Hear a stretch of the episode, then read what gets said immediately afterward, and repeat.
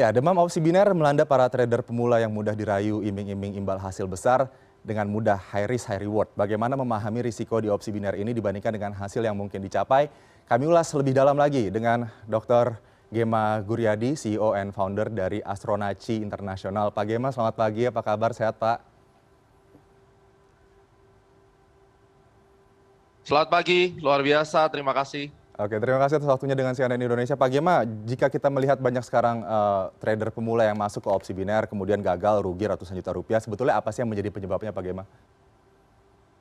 Oke, selamat pagi pemirsa. Jadi begini ya, karena judulnya ini apakah opsi biner ini investasi atau cuma spekulasi.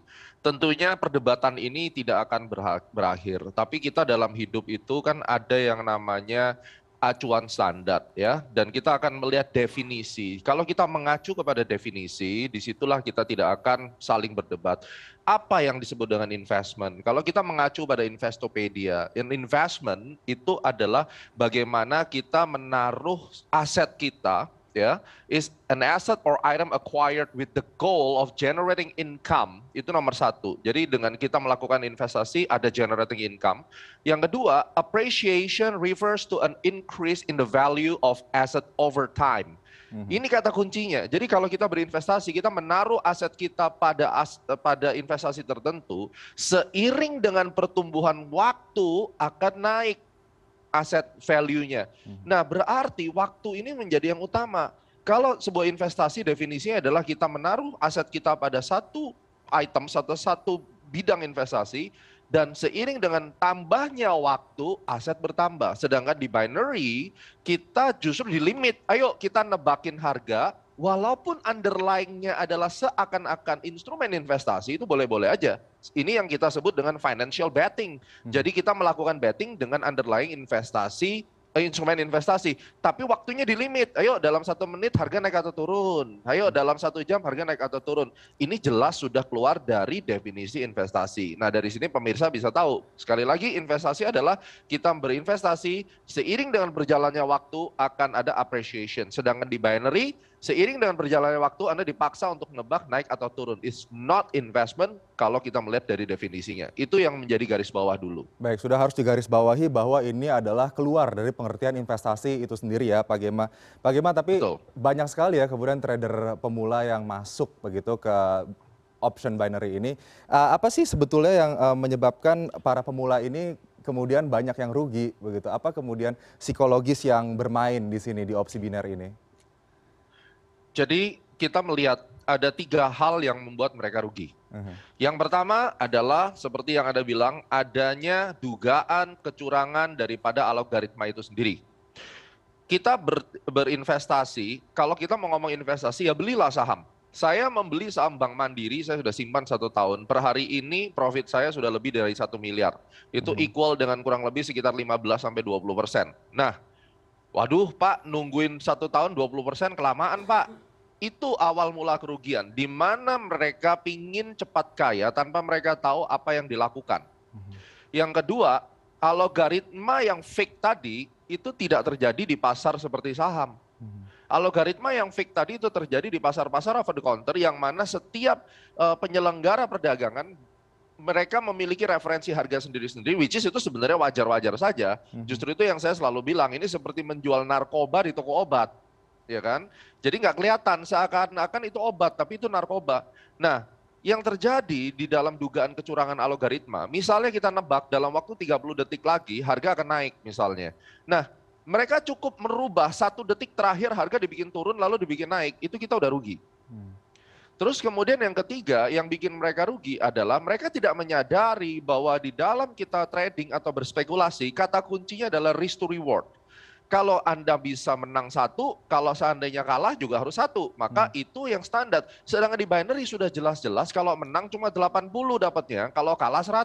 Hmm. Lalu kalau kalah dia pakai metode compensation, dikali lipat, di martingale naik dua kali. Mau hmm. sampai kapan pun, tahun beruang pun terjadi, nggak akan pernah menang kalau kayak begitu caranya. Okay. Nah ini sama persis seperti uh, betting di bola, di judi bola yang cukup marak di beberapa tahun lalu. Hmm. Pada saat kita nebak ini menit kesekian bakal gol atau enggak. Atau mungkin over under misalnya. Ini satu hal yang sama. Dari mana saya mengatakan demikian?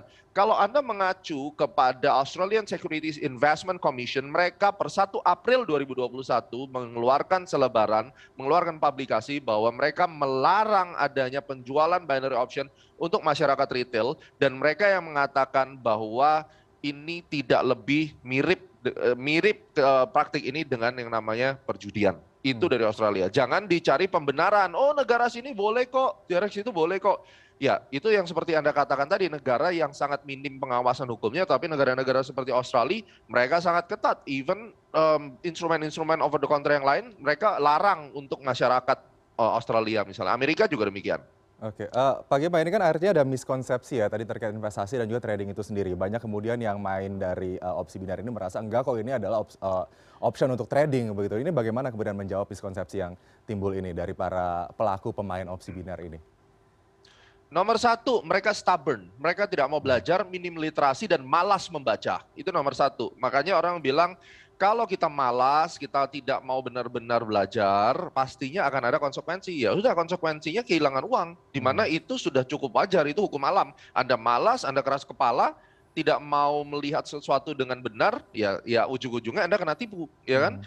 Terus kemudian kedua, jangan katakan bahwa ini investasi, itu memalukan. Kenapa? Karena option trading itu legal. Hmm. Nah, anda harus tahu bahwa ada instrumen yang namanya opsi trading saham, option trading. Silakan di Google saja. Hmm. Option trading itu adalah hak opsi beli untuk saham-saham dan itu wah cukup lama di Amerika sudah. Nah, ini mereka mengambil konsep opsi tapi pakai konsep biner. Kalau Anda mengerti biner, biner itu adalah kalau nggak satu ya nol. Itu hmm. adalah bahasa IT, bahasa programming, logaritmik, hmm. logaritma maksud saya. Berarti ini dia mencoba mengimplementasikan tebak-tebakan kalau nggak satu nol di underlyingnya investment. Ini bukan option trading, ini bukan investasi. Mm-hmm. Dan Anda harus tahu penyebab ini menjadi meledak adalah ini yang saya marah sekali mm-hmm. bahwa influencer yang tidak bertanggung jawab mengatasnamakan hal ini sebagai investasi which is kalau kita lihat dari definisinya ini bukan investasi ditambah formulanya ditambah dengan flexingan mereka mereka dapat uang dari hasil profit sharing ya. Saya nggak nggak uh, sebutkan hmm. berapa berapanya tapi mereka dapatkan profit sharing lalu mereka beli itu mobil Lamborghini mereka beli mobil-mobil mewah lalu mereka flexing pamer harta supaya orang tertarik dan kemudian orang-orang ini langsung mereka melakukan deposit Orang okay. sudah kalap mata, minim literasi, tidak mengerti apa-apa, hidup lagi sulit ketika COVID, dimanfaatkan seakan-akan ini sebagai jalan pintas. Ambil pinjaman online, terkait pinjaman online juga sedang meledak,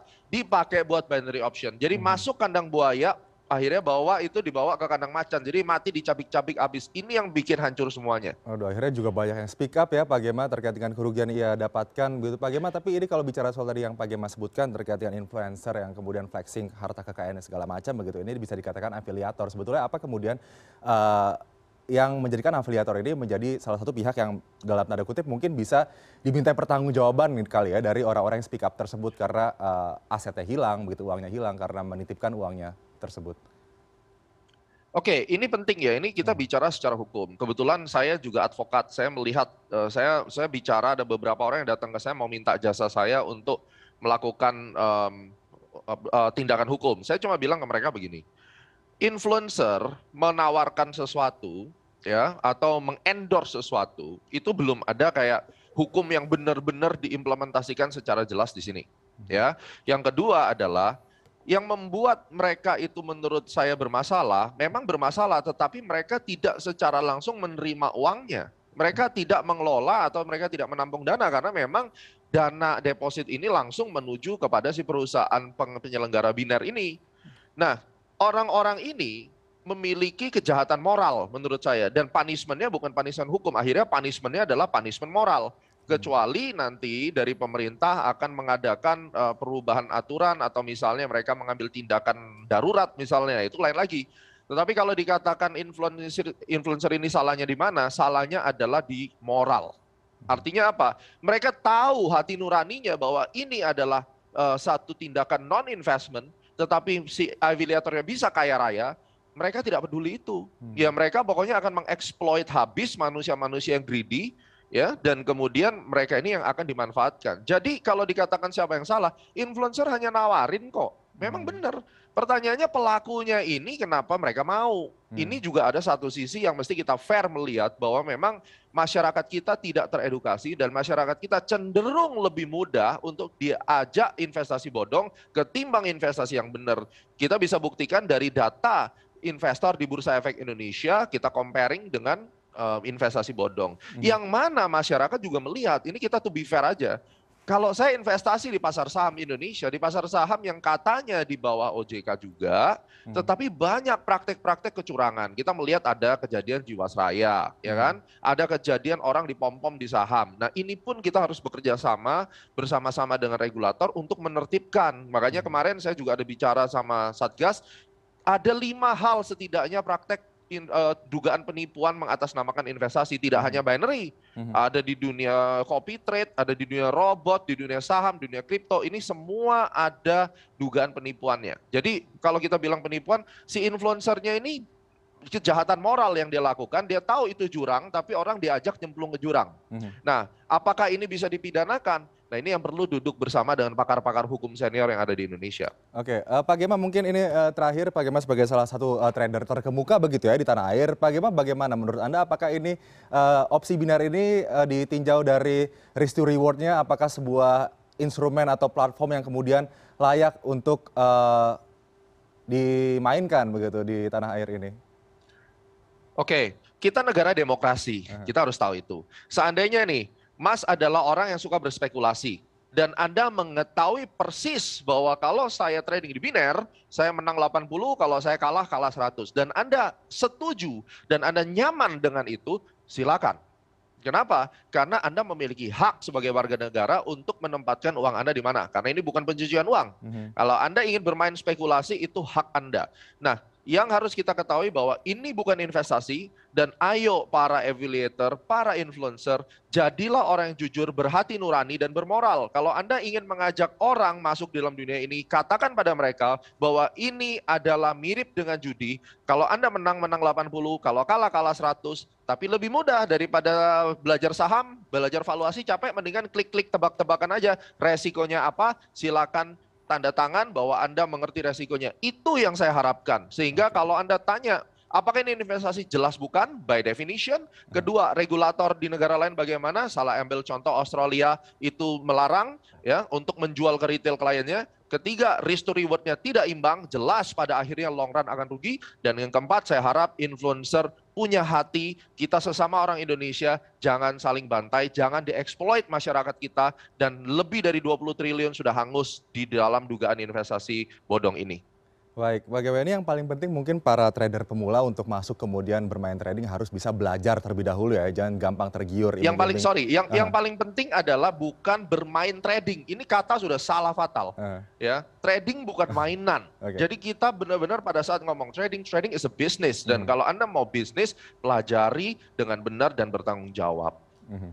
Baik, baik terima kasih Pak Gema Guria di CEO and Founder Astronaci International ini membuka mata kita Thank semua you. tentunya terkait dengan opsi binar ini. Semoga semakin banyak masyarakat yang teredukasi begitu ya dan semakin minim orang-orang yang kemudian rugi akibat salah langkah, salah kaprah terkait opsi binar ini investasi atau spekulasi di garis bawahi bukan investasi. Terima kasih Pak Gema Guria di Terima kasih. CNN Founder Astronaci International. Selamat pagi, salam sehat Pak Gema.